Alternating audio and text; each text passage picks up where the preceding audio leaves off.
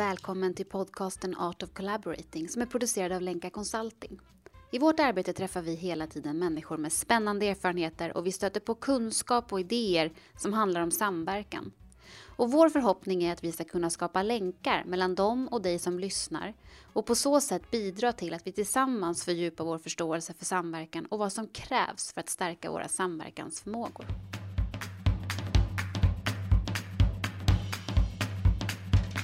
Jag heter Matilda Ardenfors och jag driver tillsammans med Anna Singmark och Caroline Bottheim Länka Consulting. Anna och Caroline är författare till boken Att lyckas leda i samverkan.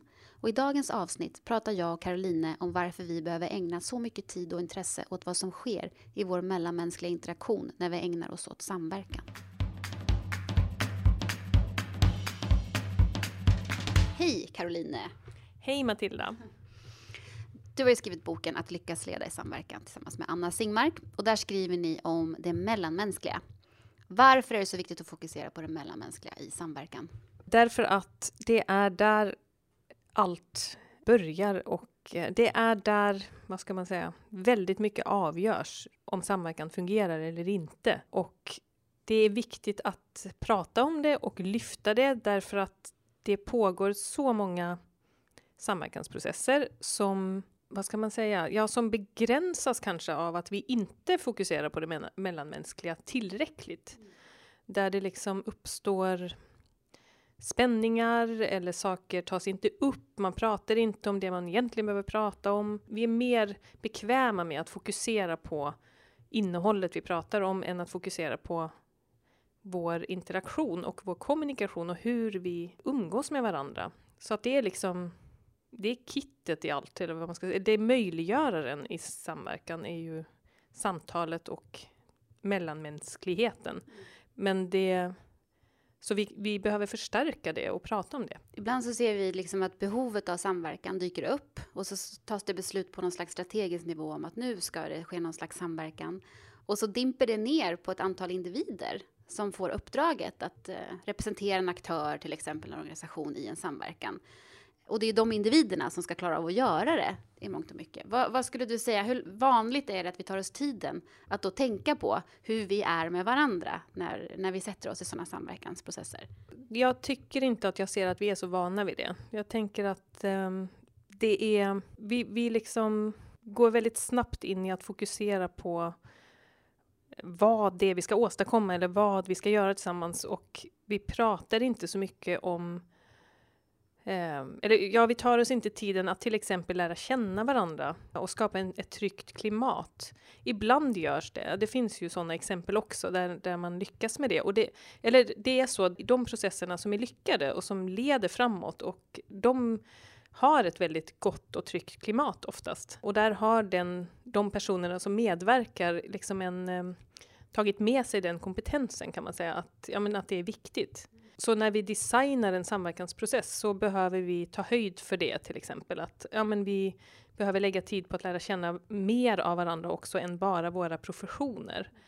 Uh, vi behöver bjuda in fler delar av oss själva ja, för att bli kloka tillsammans på något sätt. Och då behöver vi fokusera på det där eh, samtalsklimatet. Och där finns det ju massa metoder och verktyg vi kan använda oss av. Ibland så, jag tänker att vi ibland kan känna oss lite sådär som offer av att nej men den här gruppen är inte så bra eller det, det är inte så bra gruppmedlemmar eller om bara den där personen inte skulle vara med, då skulle det vara så himla trevligt här för den är så himla, är liksom motsträvig hela tiden eller vad vet jag, om den aktören inte skulle vara med eller så.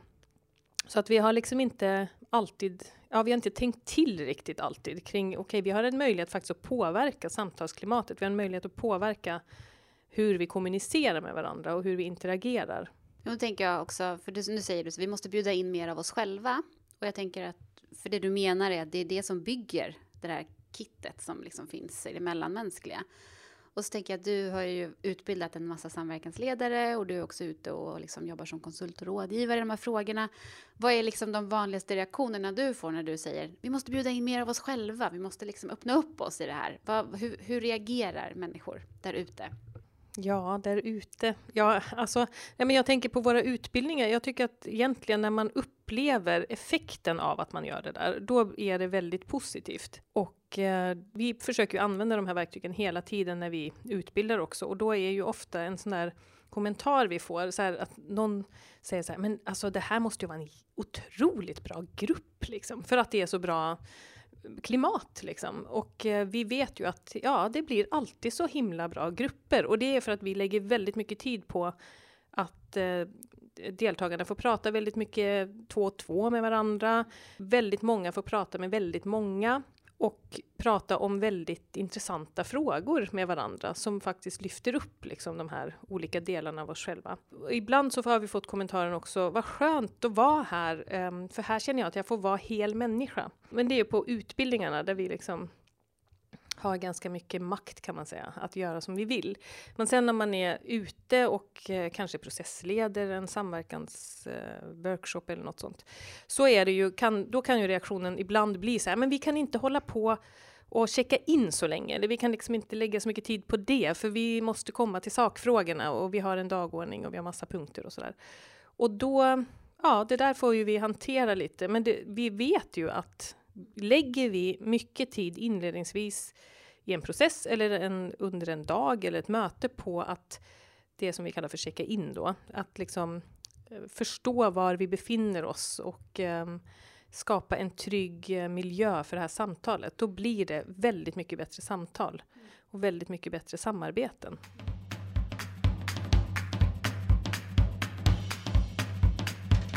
I tidigare avsnitt eh, där också vår kollega Anna Singmark var med så pratade vi mycket om att just det här med kontexten är så otroligt viktig för att locka fram potential, att vi lockar fram kontext hos varandra. Och nu är du inne på det igen, det här med liksom att vi, vi skapar ett klimat eh, med hjälp av frågor. Vad är det som du ser i det där? Liksom, vad är det som vi sätter igång när vi lägger tid på att ställa frågor till varandra som lockar fram och som gör att vi faktiskt får vara hela människor? Vad händer?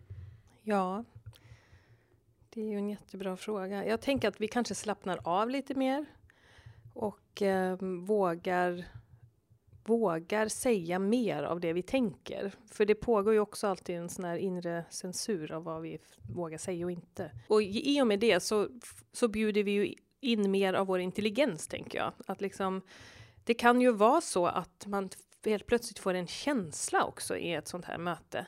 Det kan ju uppstå. Och att man då vågar bejaka den känslan eller prata om den. Det kanske är helt väsentlig information för att samtalet tar en ny vändning som leder till en ny insikt som var jätteviktig att få fatt i. Liksom.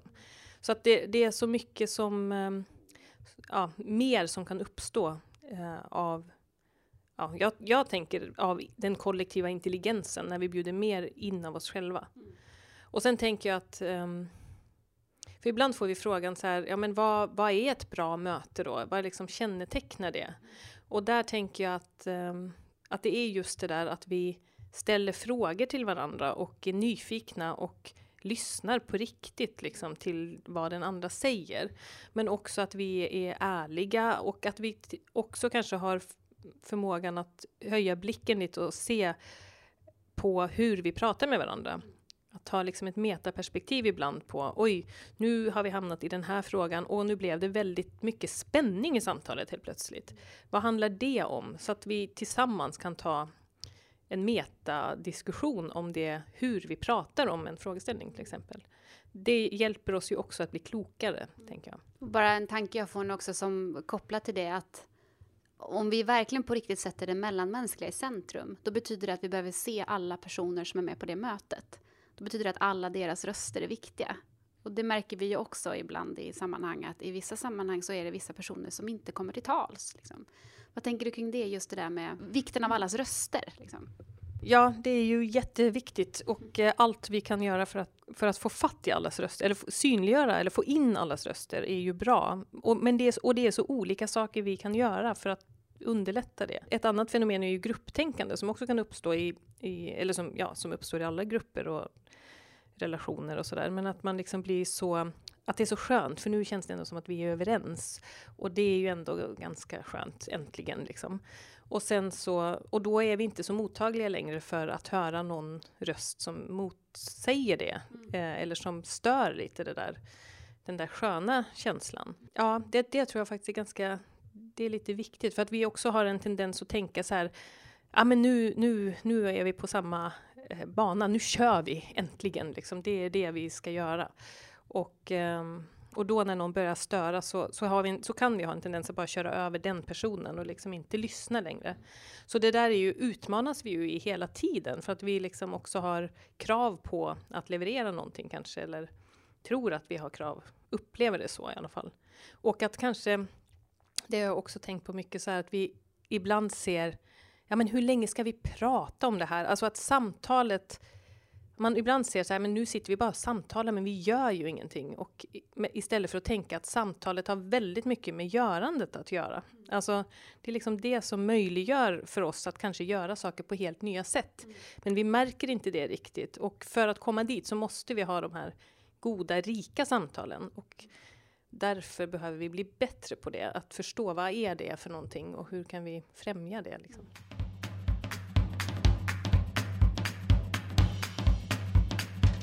I eh, det här kapitlet i boken som handlar om det mellanmänskliga så tar ju ni upp ett antal olika liksom, perspektiv eller förhållningssätt eller liksom ställningstaganden som är viktiga att fokusera på. Om du skulle bara nämna något sådär viktigt grundantagande eller någonting som är väldigt, väldigt viktigt att ha, få syn på för att ännu mer förstå det mellanmänskliga, vad skulle det vara då?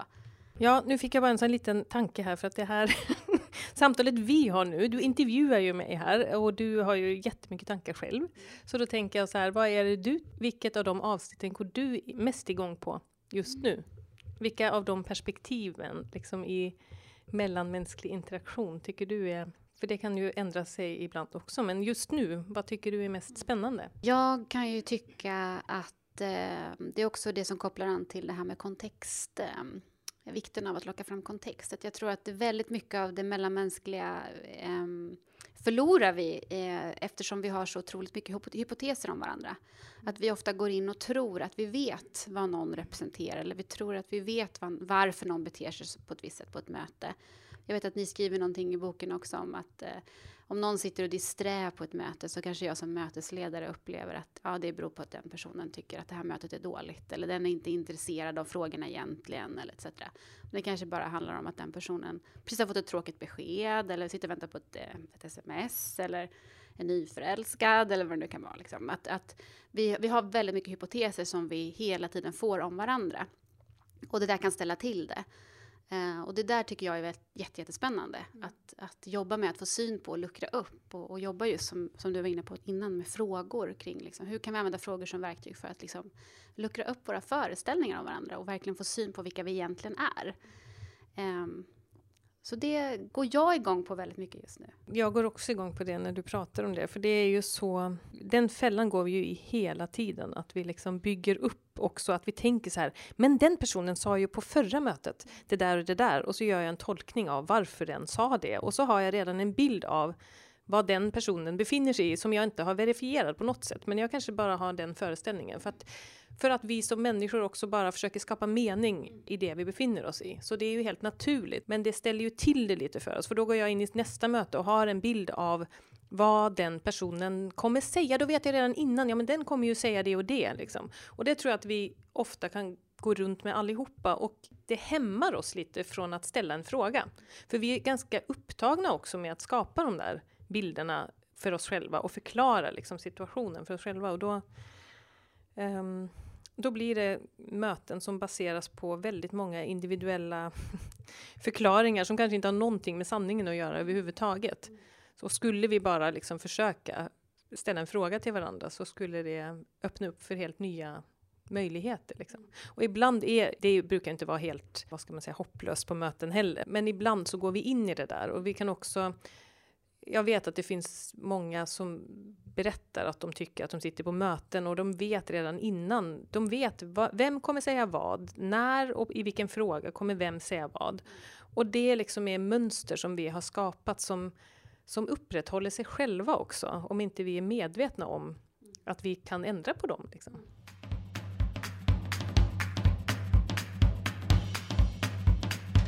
Det är så intressant. Man skulle kunna säga så mycket om det här känner jag nu. Men jag tänker då om vi börjar närma oss lite mer då, hur gör man och sådär? Alltså om vi, om vi tar på allvar att det mellanmänskliga är så centralt och, och, vi vet att vi sitter där med våra hypoteser om varandra och liksom, eh, kanske har satt igång mönster i de här liksom, mötena som, som verkligen inte gynnar den samverkan vi ska åstadkomma. Vad, vad är det som kan hända om vi börjar intressera oss mycket mer för det mellanmänskliga? Vad är det det frigör? Jag tänker att det frigör helt nya samtal. Men då, när du säger då, när vi börjar intressera oss för det mänskliga, ja, då tänker jag när vi börjar jobba med det konkret och vi börjar göra saker på ett nytt sätt. Jag tänker att vi på Länka har ju, vi checkar ju in inför varje möte för att vi vet att de mötena blir så mycket bättre liksom när vi ställer den frågan till varandra till exempel. Vad är viktigt att veta om dig just nu? Vad är det bästa som kan hända på det här mötet vi har nu? Eller vad är viktigt att vi tar upp? Eller, ja, det kan vara olika frågor. Liksom. Och sen att vi får säga det var och en och lyssna på varandra. Det blir något helt annat än om vi bara skulle gå rakt in i sakfrågan. Det vet vi och det är därför vi håller på med det.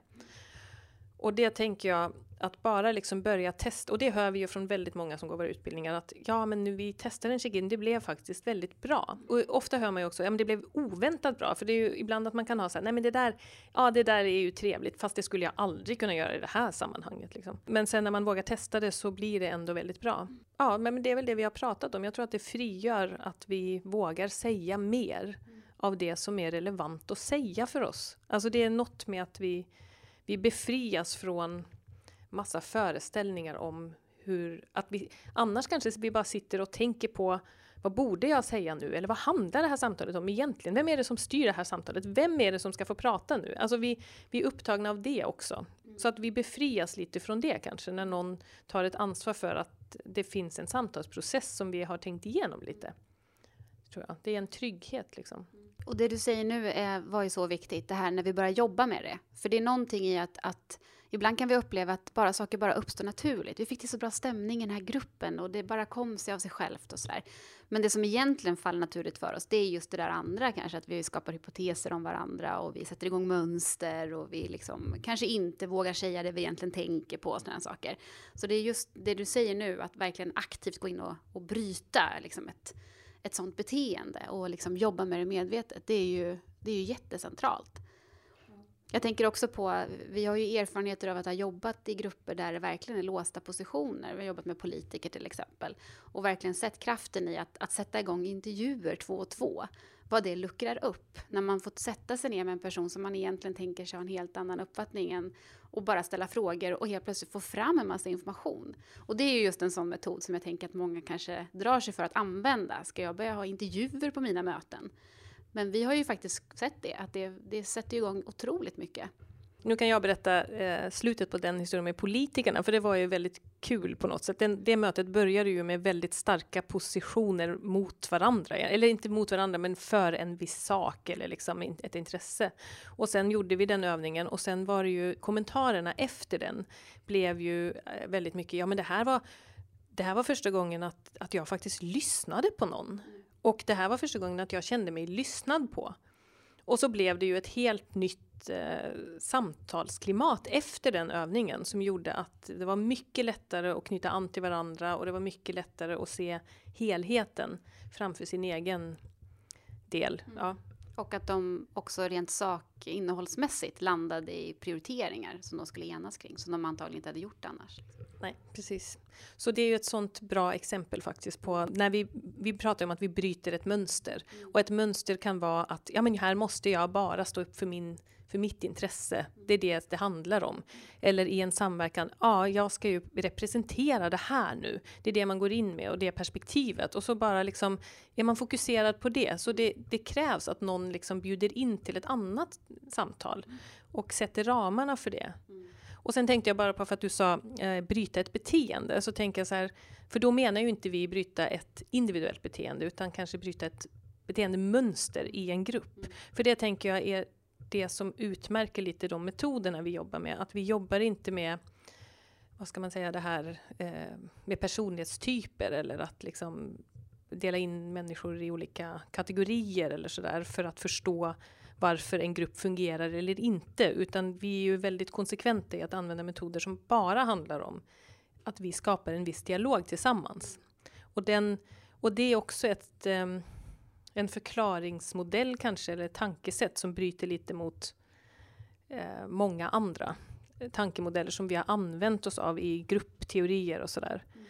Som jag tänker är en um, framgångsfaktor. Lite, också lite befriande faktiskt, för då handlar det inte längre om individerna på det sättet. Det handlar om vårt samspel. Mm. Och det, där finns det så mycket som vi kan lära oss och, och utveckla och bli bättre på. Precis, för det skriver ni ju om just det där att vi blir till i relation. Och att har man de glasögonen på sig när man sitter i en samverkanskonstellation eller jobbar med en grupp, då ser man ju saker och ting som händer på ett helt annat sätt. Men återigen kopplat till det här med hypotes, liksom, att vi har ju en tendens att, att liksom gå in i, i förklaringar när någonting känns motsträvigt och jobbigt, att vi klarar det utifrån till exempel en individs beteende, precis som du säger. Det är otroligt eh, kraftfullt att snarare tänka på att vi blir till i relation och att vi kan skapa saker tillsammans. Vill du säga något mer om det? Nej, jag vill bara säga att jag tycker det är så fint att vi har upptäckt den här fantastiska kvinnan som heter Mary Parker Follett, som vi faktiskt eh, citerar i boken också, som levde för hundra år sedan, typ, tror jag. Ja, jo, men det gjorde hon ju. Och som då redan beskrev det här, eh, hon kallar det ju för circular response. Mm. Att det går liksom inte att hitta fram till vem var det som började, alltså, och hur började det här, utan det, vi är liksom i en cirkulär um, rörelse hela tiden i våra relationer. Mm. Så det enda vi kan göra det är att sätta fokus på, jaha, vad är det som händer nu mellan oss? Men vi har liksom tränat väldigt mycket på att tänka att försöka förstå vem var det som började och vems fel var det här?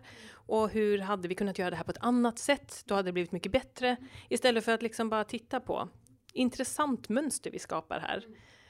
Um, kan vi skapa ett annat mönster eller behöver vi skapa ett annat mönster? Men, men det blir liksom någonting, när vi tittar på det som någonting som är emellan oss, då blir det mycket roligare på något sätt och inte så ångestladdad att prata om mellanmänsklig interaktion.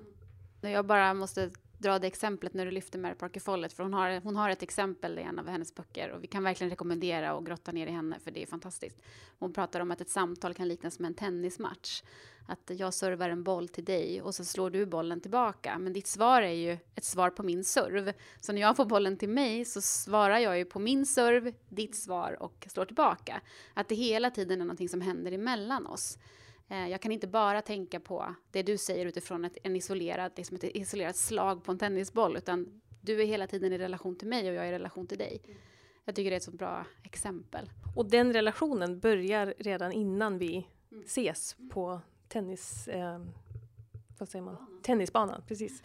Eh, för då har vi redan föreställningar om, om varandra mm. och om vår relation framför allt mm. till varandra. Så att, det är liksom, och när man börjar gå in i det där så blir det ju väldigt komplext och väldigt eh, förvirrat kanske. Det är, det är ju enklare ibland att tänka människor in, sätta in dem i fack och kategorisera dem och försöka kontrollera det på det sättet. Men det är ju inte det som är spännande och eh, härligt att utforska faktiskt, tycker jag. Det är mycket roligare att liksom bara vara i det där mm samspelet. Och sen också att jag tror att vi har varit med om det så många gånger nu, att vi har sett att genom att fokusera på det mellanmänskliga och se, sätta relationen i centrum, att det har luckrat upp väldigt många situationer. Så det är inte bara liksom det här teoretiska tänket, utan det finns så mycket praktisk erfarenhet av att jobba på det här sättet. Jag tänker nu om vi ska runda av det här samtalet lite då. Vad, vad har du för tips om man sitter där ute någonstans och driver en samverkansprocess och är samverkansledare och känner att men det här appellerar till mig. Jag vill börja liksom fokusera och jobba med det mellanmänskliga. Vad, vad skulle du säga var det bästa tipset? Ja, men det är väl att ja, vad kul att du eh, känner att du vill jobba med det. för det är ju bara att sätta igång. Och eh, jag tänker, var inte rädd för att bryta mönster som eller att gå in och tänka att det här kan vi göra på ett annat sätt. Ja, bra, gör bara det och se vad som händer. För det är väl det också som är en del av det här cirkulära, att det betyder att vi kan inte kontrollera någonting. Så vi kan ha en idé om, nu gör jag en check-in-fråga på det här sättet, men vi vet aldrig vad som kommer hända. Vi kan ha en idé och ofta blir det så, men ibland blir det något helt annat och på något sätt ja, var modig och eh, testa faktiskt andra samtalsmetoder. För det är nog det som jag tycker jag ser som det mest utmanande i det. Det är att våga testa nya sätt innan man har upplevt att det blir så himla bra. Liksom. Ja, så våga eh, kasta dig in i nya samtalsformer skulle jag säga. Bra tips. Tack så mycket. Tack för ett bra samtal Karolina. Tack själv.